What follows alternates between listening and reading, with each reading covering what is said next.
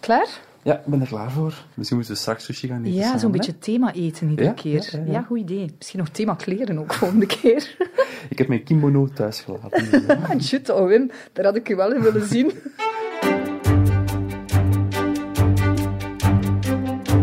Ze noemen haar de meest eenzame prinses ter wereld. De prinses die nooit lacht. Aiko heet ze. En ze kan nooit de troon bestijgen omdat ze een meisje is. Zeg, dat begint hier wel al triestig, hè Wim? maar er is misschien een sprankeltje hoop hoor. Ja, oké, daar gaan we voor. Ik ben Elke Gieselen. Bij mij zit Wim de Hanschutter, royalty-expert van het Nieuwsblad. En dit is Koninklijk Bloed.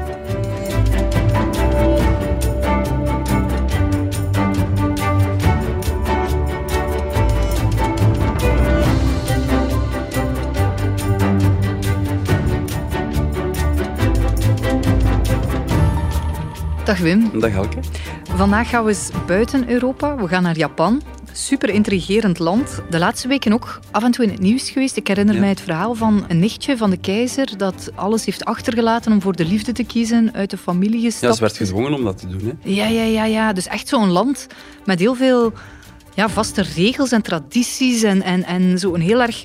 Ik krijg wel een beklemmend gevoel als ik er Mm. nieuws over hoor. De Japanse keizerlijke familie is de alleroudste dynastie ter wereld. Mhm. Die gaat terug tot 2600 jaar eh, geleden. En protocol, tradities zijn daar heel belangrijk. En er wordt ook niks aan eh, gewijzigd. Ja. Maar ze zitten nu wel met een groot probleem. Want Ja. de troonopvolger, tussen aanhalingstekens, dat is een meisje. We spreken over prinses Aiko, de dochter Ja. van de keizer en de keizerin. Even oud als Elisabeth, Mhm. eh, 20 jaar eh, geworden onlangs. Maar van Elisabeth weten we, die gaat ooit koningin der Belgen worden. Dat staat Ja. vast. En bij Aiko is dat niet zo. Nee, nee, nee, nee. Het is niet zeker als het gaat worden. Eigenlijk gaat het niet worden. Ja, want ze is een vrouw. Ze heeft een grote pech dat ze een eh, vrouw is. En de regels die zijn op dat vlak Ja. nog niet gewijzigd. Want alleen mannen mogen op de troon komen in, ehm, in Japan. Ja, ja. En dat is echt omdat die zodanig vasthouden aan tradities nog. Ja, ja, ja. En de vrouw is daar eigenlijk, die speelt daar een totaal ondergeschikte rol aan dat Japanse hof. Ehm, ook voor moeders. Ja. Er ligt een heel grote druk op hen Ja. om jongens te baren. Ik Oh, spreek, God. ik spreek nu over baar, dat klinkt oneerbiedig, maar Ja, ja, het is ja. bijna een fabriek daar eh, in, eh, in Japan. Met de verplichting dat een jongen op de troon komt. Dus het is ook belangrijk om eh, zonen op de wereld te Ja, zetten. ja, ik voel het al. Ik ga het moeilijk krijgen, denk ik, deze podcast. Ik ga er zo wat opstandig van worden van die Ja, verhalen. ja, ja. Eigenlijk moeten we al beginnen bij de ouders van Ja. prinses Aiko, bij de keizer en de keizerin. De weg naar het altaar, naar het huwelijk en ook de teleurstelling die er is als ze uiteindelijk een eerste kind krijgen.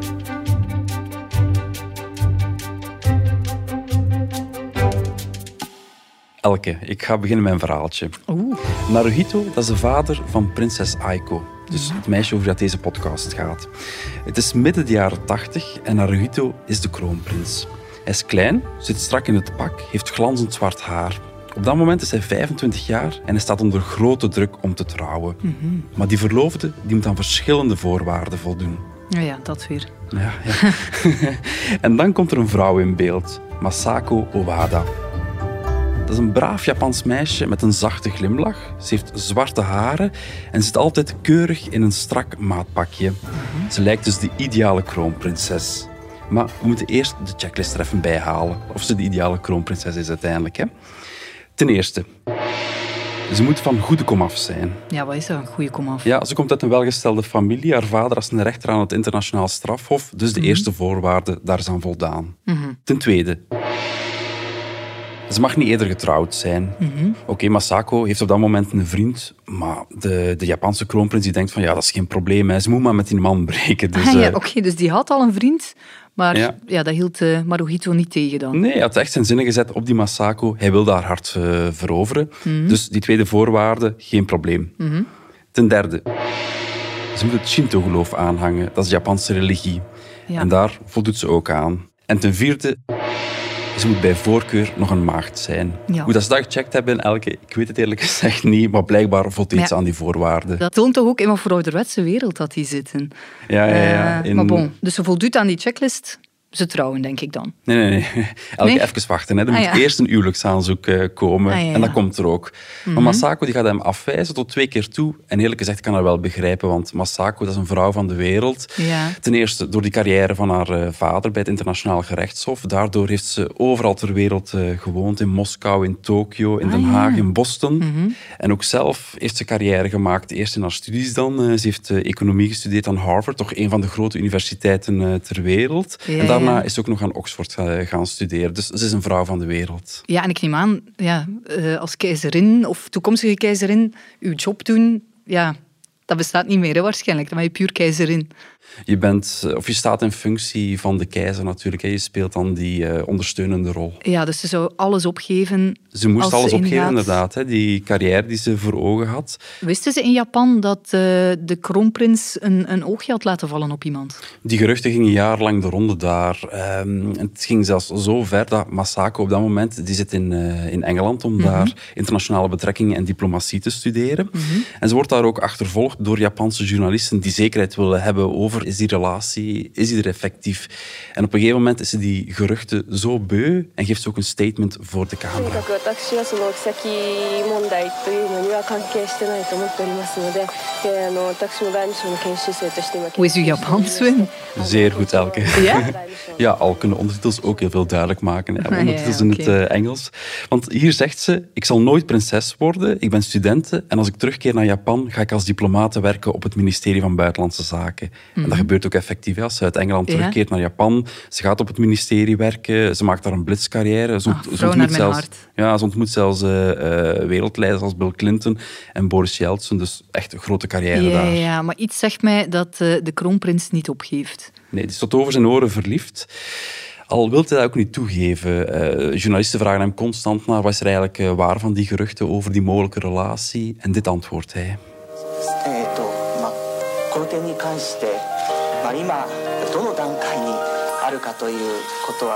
Oké, nog eens in uw beste Japans. Eh, Opnieuw ondertitels, gelukkig voor mij. Dus uh, weet niet waar het staat met eh, Masako, zegt hij. Alleen wil ik dat mensen begrijpen dat ik niet ga trouwen totdat ik de juiste vrouw vind. Maar in Japan zijn journalisten heel zeker. Mhm. Masako is de vrouw van de dromen van Naruhito. En er is zelfs een journalist die een heel bijzondere theorie heeft. Volgens die journalist lijkt Masako op de moeder van Naruhito. En zo redeneert hij, een man kiest vaak een vrouw die op zijn moeder lijkt. ja, ehm, Masako die wil toch niet toehappen? Nee, nee, nee, nee, nee. die blijft eh, halstarrig weigeren om het huwelijksaanzoek eh, te aanvaarden. Dus ja, Naruto wordt bijna hopeloos. Dus moet hij creatief zijn. Hij verzint een plannetje. Hij nodigt Masako uit naar een geheime locatie Oei, eh, waar ze alleen zijn. Ja. Daar kan hij opnieuw een huwelijksaanzoek eh, doen, zeggen wat hij voor haar voelt. Ja. Masako die vraagt bedenktijd en na twintig dagen laat ze hem weten: ja, ik ga toch niet met jou trouwen. Dus eh, ja, Naruto staat eigenlijk even ver als waar hij eh, voordien al stond. Ja, ja, het is een vrouw met een carrière, ze weet wat ze wil.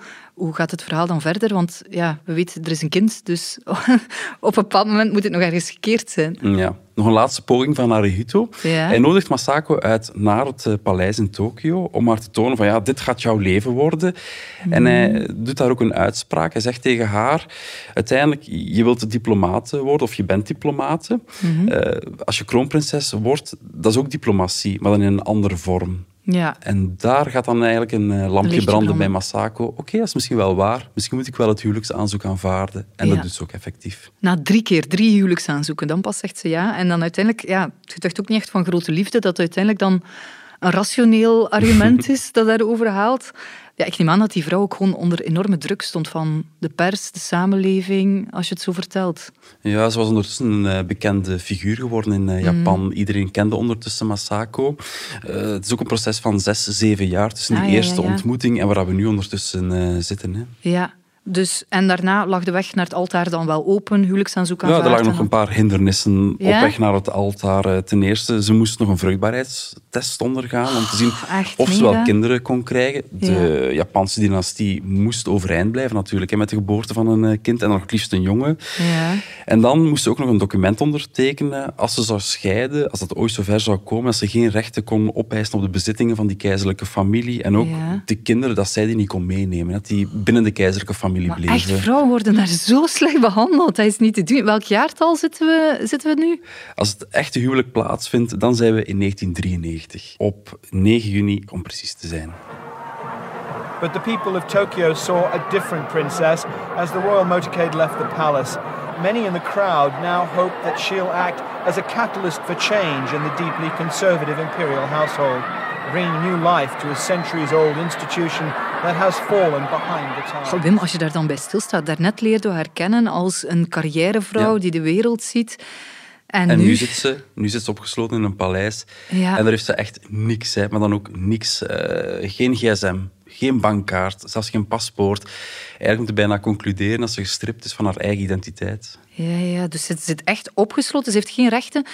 Ze is wel kroonprinses. Maar de leden van de keizerlijke familie die hebben eigenlijk niks te zeggen. Alle macht ligt bij het agentschap van de keizerlijke hofhouding. Dus al die pionnen daar, die hebben eigenlijk de macht. eh, Die volgen elke stap die gezet wordt door iemand van de keizerlijke familie. Eh, Het gaat zelfs zo ver als bepalen wat er gegeten wordt, met wie dat ze contact hebben, wat die ook doen. Eh, Masako, haar ouders, die wonen in Nederland. Die hofhouding, die zegt zelfs, die verbiedt zelfs dat Masako naar Nederland reist om haar ouders te zien. Dus zoveel macht hebben die wel. Ja, wel, ik voel zo'n beetje de drang om een hashtag Free Britney te gaan stichten, maar dan in het verleden, want ja, het is, het is, Ja. is er niemand in die periode die het voor haar opneemt dan? In Japan is het een groot taboe om te praten over psychische problemen Ja. en mentale gezondheid. Dus dat is niet zo evident. We spreken ook over de keizerlijke familie, die, bij- die, die, die bijna onaantastbaar is. Maar er is wel iets in het verleden gebeurd. Zo, in 2006 heeft de Nederlandse koningin Beatrix het lumineuze idee gehad van ja, misschien moet ik die eh, kroonprins en kroonprinses eens naar Nederland uitnodigen voor een vakantie. Dus die zijn twee weken naar Nederland gekomen, want de hofhouding kan zo'n verzoek van een andere koninklijke familie natuurlijk moeilijk weigeren. Ah, ja, ja, dus slim. Beatrix had, ja, die had een slim plannetje om hen uit te nodigen op eh, vakantie. Want haar ouders wonen daar ook. Ja, ja, de vader die werkt eh, bij het eh, internationaal gerechtshof. Dus vandaar dat Nederland zo belangrijk is in het leven van Masako. En in die twee weken, oké, het waren maar twee weken, heeft ze toch wel even een rustperiode kunnen inlassen om Hmm. al die mentale problemen toch een beetje te laten eh, bezinken. Mhm. En daaruit is ook wel een heel warme vriendschap ontstaan tussen die Nederlandse koninklijke familie en dan de keizerlijke familie in Japan. Ja. Eh, dat heb je bijvoorbeeld gezien in 2013. Willem-Alexander doet de troonsafstand en Masako en Naruhito die komen naar Amsterdam voor de troonswisseling. En dat was een heel bijzonder moment. Ik, ben, ik was toen Ik in herinner mij dat nog, denk ik. Dat dat groot nieuws was, Ja, dat zij ja. daar was. Ja, ik was toen in Amsterdam voor de, eh, voor de troonswisseling. En er werd eigenlijk meer gesproken over die Japanse kroonprinses die voor het eerst in jaar, ik denk dat het elf jaar was, ze niet meer naar het buitenland eh, was geweest, dat die dan uiteindelijk wel naar Nederland is gekomen voor de troonswisseling. En dit is het plaatje waar de hele Japanse pers op heeft gewacht. Prins Naruhito met prinses Masako. Want Masako die komt bijna nooit in de openbaarheid. Het zou niet zo goed met haar gaan. Er zijn maar liefst 80 Japanse journalisten in Amsterdam om dit vast te leggen. En weet hoe het vandaag met haar gaat? Dat weten we inderdaad. Eh, eerst moet je wel weten, in België kunnen wij naar het Koninklijk Paleis bellen en de persdienst Ja. vragen van oké, hoe is het met koning Filip en koningin Mathilde? Oké, of dat we dan antwoord krijgen of niet, dat Ja, is niet helemaal jij duidelijk. misschien wel, ik niet. maar in Japan zijn er maar een aantal journalisten die toegang hebben tot de informatie van het eh, keizerlijke hof. Maar onlangs is er op de Japanse staatstv een reportage over Masako uitgezonden. En daarin werd gezegd van ja, haar situatie die is nog niet stabiel. En er werd ook aan het publiek gevraagd geen overdreven verwachtingen te hebben over de, over de zeggen. Her doctor said the Empress's physical condition is still not stable and asked the public to refrain from having excessive expectations for her. Empress Masako has been struggling with adjustment disorder since her days as crown princess.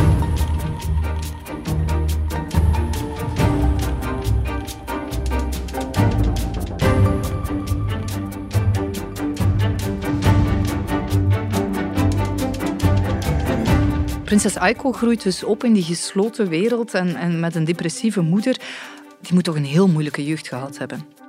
Uh, als je het Japanse hof gelooft, dan is dat eigenlijk een meisje dat evenwichtig is, dat wel opgevoed is, intelligent. Uh, ze zou geïnteresseerd zijn in kunst. Ik heb haar biografie hier nu voor mij liggen. Mm. Um, ze schrijft kanji-karakters. Dat zijn Chinese karakters die gebruikt worden in het Japanse schrijfsysteem. Ze doet dan calligrafie, schrijft poëzie, speelt piano ja, en kom, viool. Wim, dat is promopraat. Ik verwacht meer van jou. Hè? Bah, ik, ik, ik, lees gewoon even voort. Hè. Elke ja. laat mij even doen. Uh, ze doet aan touwtjes springen. ze is ook een dierenliefhebber liefhebber blijkbaar volgens de Japanse hof. Ze rijdt, uh, met, uh, ze rijdt te paard. Ze kweekt zijderupsen blijkbaar. Zijderupsen. En haar afstudeerproject op de middelbare school dat ging over katten en honden in de literatuur. Ja, oké, okay, maar bon, serieus, wat, wat is jouw inschatting van haar? Wel, Jouw ja, kritische ja. blik Wel, als kenner. Ik vraag me nu ook eerlijk gezegd af of ze echt gelukkig is. Hmm. Dat heeft er ten eerste mee te maken met heel die discussie van oké, okay, het is maar een meisje. Ja, je moet maar eens een meisje zijn en, en dat te horen krijgen dat er ja, ja, de hele tijd van je, weggezet worden. ja, omwille van je slag dat, je, dat er op jou neergekeken wordt bijna. Hmm. En ook de verhalen ten tweede die we over haar, eh, over haar schooltijd hebben te horen gekregen, die waren toch ook niet altijd zo eh, positief. Ja, in welke zin dan? Ja, op de, op, de, op de lagere school heeft ze een tijdje buiten strijd geweest, omdat ze gepest werd op eh, school. Dan vooral door de, door de jongens. Ehm, ze kwam blijkbaar dan thuis met eh, buikpijn en angstgevoelens. Er is Oh, zelfs een officieel onderzoek naar eh, gedaan door de keizerlijke familie. Ja. En ze is pas teruggekeerd naar school, drie uur per week, op voorwaarde dat haar moeder mee naar school mocht gaan. ja, dus echt moeilijke schooltijd. Ja, en dat is niet alleen bij de lagere scholen gebleven. Ook later, ehm, in de middelbare school is dat het geval geweest. Ja. En haar ouders die probeerden wel een en ander eh, goed te maken door, ehm, door Aiko populair te maken bij haar klasgenoten, door haar Mhm. beter te laten vallen in de klasgroep, door die kinderen ook naar het paleis uit te nodigen en daar leuke feestjes te organiseren, zodat Ja, die ja. kinderen ook eh, ja, hun ogen konden uitkijken in Ik dat heb, eh, ik, heb, paleis. ik heb toch zo wat hartzeer als ik het allemaal hoor. ik vind het, het klinkt heel, echt als een, heel- een heel moeilijke jeugd. Weet Ja, wij- want ik, ik weet zelfs, eh, Ja. ze was toen 16 jaar, ze vierde haar eh, verjaardag. Ja. Toen zijn er officiële foto's gepubliceerd eh, van haar. En toen is er ook in de Japanse media en op sociale media heel veel commentaar over gekomen. Want ze zag er Mhm. een beetje vermagerd uit, heel fragiel. En toen waren er zelfs geruchten, oké, misschien heeft ze wel anorexia of, of andere gezondheidsproblemen, een eetstoornis. Mhm. Ja, dus ze is wel altijd achtervolgd geweest door die moeilijke kindertijd. Ja, ja. En weet je hoe, hoe het vandaag haar gaat? Het lijkt erop dat het alleszins beter gaat eh, met haar. Ze zit ondertussen op de universiteit in eh Tokio, tweede jaar Japanse literatuur. Eh, ze volgt daar Engels en Spaans en ze is ook met sport bezig en met gezondheidswetenschappen. Mhm. Dus de idee is dat het op dit moment iets beter met haar gaat.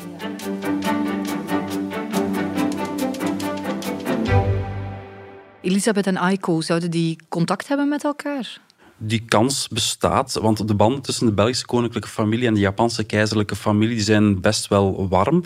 En daarvoor moeten we teruggaan naar de jaren 1950, naar eh, koning Boudewijn. Die heeft daar een heel belangrijke rol in gespeeld. Hoezo? Eh, die heeft in het allergrootste geheim een soort van koninklijke Cupido gespeeld voor de, Nee. ja, ja, ja, ja, voor eh, de latere keizer Akihito en keizerin Michiko. Oké, een- daar wil ik wel alles over horen. ja, dat is een romantisch, maar tegelijk ook een heel triestig Oh ja, liefdesverhaal. het blijft Japan. Ik heb het in eh, 2012, zo tien jaar geleden, gehoord eh, via koning Filip en koningin Mathilde. Die waren toen in Japan en die hebben toen ook duidelijk gemaakt van ja, waarom zijn die banden zo warm? Ah, ja. Ehm, komt erop neer in de jaren 50. eh, Mhm. Akihito, de latere keizer, die wordt verliefd op een burgermeisje, op eh, Michiko. Ze spelen Ja. tennis en de vonk slaat weer, over. sorry dat ik onderbreek, maar echt zo het verhaal van elk, elk liefdesverhaal is altijd, er wordt iemand verliefd op een burgerjongen of een Ja, ja. burgermeisje. En tennis is vaak een goed glijmiddel, want Ah. blijkbaar, Filip en Mathilde hebben elkaar ook op een tennisbaan leren eh, kennen. Maar ik wijk af. Oké. Ehm, maar dat kan eigenlijk niet. Een, een, een, een toekomstige keizer die mag niet verliefd worden op een burgermeisje. Dus de ouders van Michiko die sturen haar uiteindelijk naar Brussel. Ah, ja. Eh, in de hoop van ja, dan gaat de liefde overgaan. Dan eh, gaan die gevoelens ook uittoven. Maar dat is niet het geval, want blijft Akihito verliefd. die blijft tot over zijn oren verliefd. Hij wil dan brieven schrijven naar zijn eh, grote vlam. Maar Mhm. hij weet, als ik die meegeef aan Japanse diplomaten, wat uiteindelijk de gemakkelijkste weg is, Mhm. die gaan nooit tot bij mijn grote vlam terechtkomen. Dus hij moet een, een masterplan eh, verzinnen. En dan komt Boudewijn in het eh, spel. Dan gaat hij Ja. Cupido spelen, onze toenmalige koning. Akihito is Boudewijn altijd dankbaar geweest dat hij zijn liefdesbrieven aan hem kon sturen en dat Boudewijn die dan aan eh, Michiko in Brussel heeft bezorgd. Ah, wauw. Die band tussen Boudewijn en dan de latere keizer, die is ontstaan in ehm, 1953. Ja. En dat komt omdat ze allebei aanwezig zijn op de kroning van Elisabeth II als koningin van het Verenigd Koninkrijk. Daar leren ze elkaar eh, kennen. Ja, die hadden dan meteen een zot goede klik of zo. Ja, ja, ja. Want ehm, na die kroning nodigt Boudewijn Akihito uit naar Brussel, naar Laken eigenlijk, naar zijn eh, kasteel daar, om, ehm, ja, om nog wat tijd samen door te brengen. te tennissen. Eh, Nee. tafeltennissen. Ah, ja. tafeltennissen hebben ze gespeeld. En ik lieg, ik lieg niet hoor. eh. Ja? En ze gaan ook jagen en zo. Dus ze hebben een, eh, een echte klik met elkaar. En je gaat ook later nog zien, in de jaren 50, 60 en zo, als Akihito vanuit Japan naar Europa moest komen voor een staatsbezoek of wat dan ook, kwam hij heel vaak via Laken eerst, om daar zo, ja, te wennen aan, eh, aan het tijdsverschil, om de jetlag een beetje te verwerken. Dus eh Boudewijn en Akihito, onze koning en de Japanse keizer, dat waren de allerbeste vrienden. Ja, en het heeft toch iets opgeleverd, want ze zijn getrouwd, hè, dan? Ja, op eh, 10 april 1959 wordt wereldwijd uitgezonden op televisie. En dan horen de kijkers, kroonprins Akihito trouwt met Michiko en breekt zo'n traditie van 2600 jaar door als eerste Japanse troonopvolger te trouwen met een burgermeisje. Crown Prince Akihito has married a commoner, Michiko Shoda, so breaking Japanese tradition of more than 2,600 years. Ik durf het bijna niet te vragen, Wim, want ja, ik heb, ik heb al het een en het ander gehoord over, het Japanse, over de Japanse Ja. keizerlijke familie. Waren die gelukkig getrouwd? Dat zij gelukkig waren met elkaar, dat geloof ik echt wel. Maar of dat Michiko zo gelukkig was binnen de keizerlijke familie, daar heb ik wel mijn sterke twijfels over. Hoor. Ja, en waarom? Ze werd door de eh, hofhouding als minderwaardig behandeld, want ja, ze was maar een burgermeisje. En ook haar schoonmoeder die was helemaal niet gelukkig met haar. Het gevolg was dat Michiko in een lange depressie is beland. Eh, eh, maandenlang zou ze zelfs geen woord hebben uitgesproken. Zo diep zat ze in de put.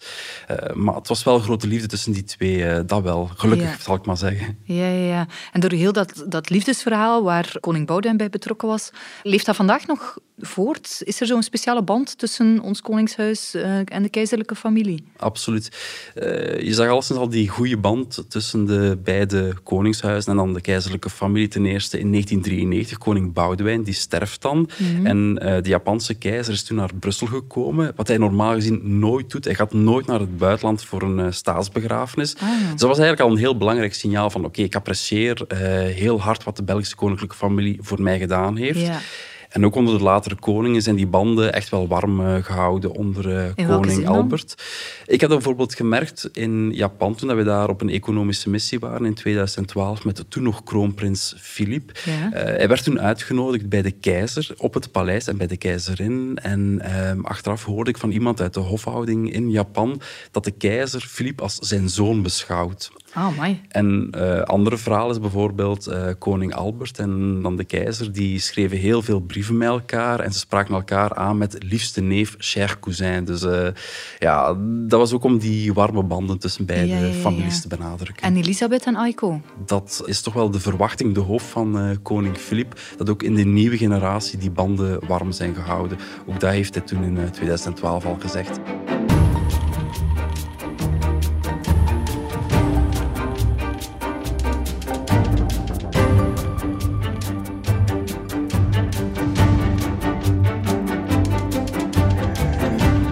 Royal drama in Japan where Princess Mako has had to leave the royal family. Princess Mako had to give up her royal status to marry her commoner boyfriend, according to the imperial household law. The proceedings were low key after years of public controversy. There was no ceremony and no reception banquet. Een nieuw koninklijk drama in Japan eh, horen we. Het gaat over iets nog niet zo lang geleden, oktober 2021. De Japanse prinses Mako die, ehm, moest haar keizerlijke status opgeven om te kunnen trouwen met haar vriend, een burgerjongen. Eh, dat hebben we al eerder gehoord. Ehm, maar misschien eerst eens, Wim, wie is prinses Mako? Eh, Mako is een prinses in Japan. Zij is de oudste van de vier kleinkinderen van de vorige Japanse keizer Akihito. En is ook een nichtje van prinses Aiko. Ja. En dus zij wordt uh, verliefd op een burgerjongen. Op Kei Komuro. Ja. Uh, ze leren elkaar in 2012 kennen. Uh, ze studeerden allebei op dezelfde universiteit in Tokio. de vlam in de pan, zal ik maar zeggen weer. maar het grote probleem inderdaad, hij is een burgerjongen en dat mag niet aan het keizerlijke hof. Ja, maar we hebben nu daarnet al die verhalen gehoord. haar grootvader heeft het al gedaan, heeft, is, is, is getrouwd met een, met een burgermeisje. Dus zij wordt niet eens keizerin, prinses Mako. Waarom is dat dan... Hmm. En niet alleen haar grootvader, ook haar oom, die nu de keizer is, is ook met Masako, met een burgermeisje getrouwd. Alleen zijn er ook andere regels voor jongens en voor meisjes. Meisjes die moeten uh, een titel van prinses afgeven. Mm uh, die moeten ook breken met een familie, dus eigenlijk verliezen die alles. En is dat daar dan zo? Een, ja, een burger een burger zijn. Uh, dat is één van de bezwaren. Er zijn nog ah, meer bezwaren. Als we over dit geval spreken, over Kei Komuro, ja. uh, er was ook kritiek op zijn, op zijn uiterlijk. Um, ik heb hier een foto mm -hmm. van hem bij mij liggen. Misschien moet je ah, heel ja. even kijken. Ik, dat, is toch, dat ziet er gewoon een nette man uit. Zwart haar, een beetje zo in een een verzorgde paardenstaart. Uh... Ja, ja, ja, maar nu, nu, nu benoem je eigenlijk het uh, probleem. Ja? Die paardenstaart is het uh, probleem. Ja, de ene keer heeft hij een paardenstaart, de andere keer heeft hij een manbun. nog eens Heel een keer normaal, toch, tegenwoordig? Lang haar. Behalve in, Behalve Japan. in Japan weer. Dat wordt uh, beschouwd als een teken van ongeschiktheid als huwelijkskandidaat binnen de keizerlijke familie. Uh, ja. Omdat er zo in Japan blijkbaar uh, uniformiteit in haardracht, dat ook mm. het symbool is van respect voor de sociale normen. En dat ontbrak dan bij Kei Komuro. Ja. maar er waren nog meer problemen hoor, in zijn geval. Um, want ze zouden eigenlijk al in 2017 trouwen. Ja. Maar toen is aan het licht gekomen dat zijn moeder, dus de schoonmoeder van de prinses, dat hij in een financieel dispuut was uh, verwikkeld geraakt met haar ex. Uh, ze had geld van hem uh, um, geleend en ze had dat mm -hmm. nooit terugbetaald. Dus dat was nu eens een extra schandaal waar ah, er nog eens heel veel mensen over, ja, over, over die verloving struikelden. Ja, ja. Dat heeft tot heel felle discussies geleid. Mensen zijn zelfs op straat gekomen. Hè. Nee, en ik ging net vragen, van, is dat dan een probleem zo binnen de keizerlijke familie? Of een gewone Japanner trekt zich dat ook aan dan? Je mocht inderdaad breder zien. Hè. Er zijn enquêtes geweest en 90% van de Japanse bevolking was tegen dat huwelijk. Um, ja. En zoals ik al zei, er zijn uh, protestacties uh, geweest. Mensen kwamen de straat op om te protesteren voor het keizerlijk, uh, voor het keizerlijk paleis, maar ook voor bij plekken waar het, dan, um, het koppel werkte. En een van de betogers die legde uit dat Japanners er zo op tegen waren, omdat ze niet wilden dat de, um, dat de keizerlijke familie betrokken raakte bij misdrijven. in dit geval dan die hele discussie over die financiële problemen van de schoonmoeder van de prinses. Veel koppels die zouden toch onder de druk bezwijken en, en dan gewoon ja, uit elkaar gaan. Maar het blijft enigszins nog een uh, sprookje. Ja. In dit geval heeft de liefde toch wel uh, overwonnen, want eind oktober zijn ze getrouwd. Dat gebeurde weliswaar in stilte. Er werd niet veel poespas uh, rondgemaakt. Mm -hmm. En Kei had geluisterd naar de commentaar. Hij had ook zijn paardenstaart geknipt. Dus... Nu moet hij opnieuw beginnen sparen. dus hij was nu wel uniform met de sociale normen, om het zo te zeggen. En na dat huwelijk heeft het koppel ook een persconferentie gegeven. En zij vertelde, ja, Kei, die betekent alles voor mij. Voor ons is dit huwelijk een noodzakelijke keuze zodat we samen kunnen leven en onze gevoelens delen. En Kei die kwam ook aan het woord en hij zei: Ik hou van uh, Mako, je leeft maar één keer en ik wil dat je bij de persoon bent die je graag ziet. 一度きりの人生を愛する人と共に過ごしたいと思っています。 ja, ze heeft dan wel alles moeten opgeven. Ze is alles kwijt eigenlijk. Maar tegelijkertijd denk ik, met alles wat we nu ondertussen gehoord hebben al, ja, hm. blij dat hij weg is. Ze zal dat waarschijnlijk ook beseffen. Hè. Ja, ze is ontsnapt eigenlijk. Ja, um, door allemaal die publieke bashing op sociale media, uh, agressieve berichtgeving in de tabloids in Japan, heeft zij een posttraumatisch stresssyndroom ontwikkeld. Mm. En daar kan ze nu aan ontsnappen. Oké, het heeft wel een heel zware prijs, dat ze alles heeft moeten opgeven, maar misschien vindt ze nu wel uh, rust in New York. Ja, ah ja, ze wonen in New York nu. Ja, ze zijn verhuisd naar uh, New York. Zij zou in principe recht hebben op een vertrekvergoeding mm. van... 1,16 ehm, miljoen euro. Dat is de regel als vrouwen in de keizerlijke familie uh, die die rol opgeven, dan krijgen ze een mhm. vertrekvergoeding. Die heeft hij mhm. uiteindelijk niet aanvaard. Maar ze is ondertussen verhuisd naar uh, New York. Hij werkt daar als beginnende advocaat. En zij is op zoek naar een job. Dus een nieuw leven speelt zich in Amerika af. En hoe is het nu met haar? Uh, in New York wordt ze nog steeds achtervolgd door Japanse pers. Ik heb hier nu een foto voor mij liggen dat zij alleen aan het winkelen is. Uh, ja, de eerste aankoop doet voor haar appartement in uh, New York. Het is zo'n beetje Meghan en Harry. dat is nu wel grappig dat je dat zegt, want ze worden ook de Harry en Meghan van Japan genoemd. ook omdat ze heel veel fans hebben. Er zijn heel veel criticasters, maar ze hebben ook heel Ja? veel fans die bewonderen de moed waarmee dat Mako omgaat met heel die situatie. Ah ja, dat en sowieso de beslissing om naar de Verenigde Staten te gaan in naam van de liefde om daar een nieuw leven op te bouwen. Ja, ja, mooi. Hashtag FreeMako.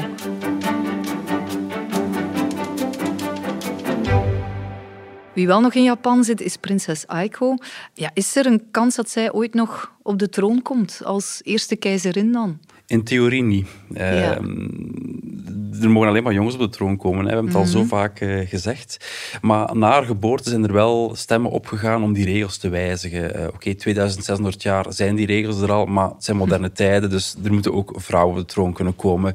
Nu, heel die discussie is eigenlijk verstomd in 2006. Mhm. Toen is de broer van de huidige keizer, Naruhito, heeft een derde kind gekregen. En Ja. na twee meisjes, eindelijk een jongen. Dat werd een mirakel genoemd, want eindelijk na meer dan 40 jaar was er een mannelijke potentiële troonopvolger in het Ja. uh, spel. Dus dat was een teken uit de hemel, vonden veel Japanners. En is dan de bedoeling dat hij de volgende keizer wordt? Uh, die kans is zeer groot, maar er zijn nu twee kampen in Japan. Je hebt de conservatieven die zeggen, oké, alleen maar jongens, dus dan gaat dat die ene jongen worden die in 2006 uh, geboren is. Mhm. Maar het bijzondere is, dat er is ook een meerderheid van de Japanners die vindt, volgens een opiniepeiling is dat toch al sinds, dat er Mhm. ook een vrouw op de troon moet komen. En dan is er wel plaats voor een keizerin. En die meerderheid is 80 procent. Dus een heel groot deel van het Japanse volk vindt het echt wel de moeite waard dat Aiko keizerin gaat worden, de eerste vrouw op de troon. Ja, toch nog een beetje uh, hoop dus. Over wie gaan we het volgende week hebben? Volgende week gaan we naar uh, Spanje. Daar Mhm. zit uh, prinses Leonor, iets jonger, vier jaar jonger dan onze Elisabeth. Zij is de dochter van koning Felipe en koningin Letizia. En uh, over haar valt er heel veel te vertellen. Want in Spanje wordt Elisabeth, onze Elisabeth, de spiegel voor Leonor genoemd. Want heel veel dingen die Elisabeth doet, die doet Leonor ook. Maar dan met x aantal jaren, vier jaar vertraging. Mm -hmm. Oké, okay, ik kijk er naar uit. Bedankt, Wim. Graag gedaan. Dit was Koninklijk Bloed, een podcast van het Nieuwsblad. De stemmen waren deze week Wim de Hanschutter en ikzelf, Elke Gieselen. De montage gebeurde door House of Media. De productie was in elegante handen bij Bert Heijvaart.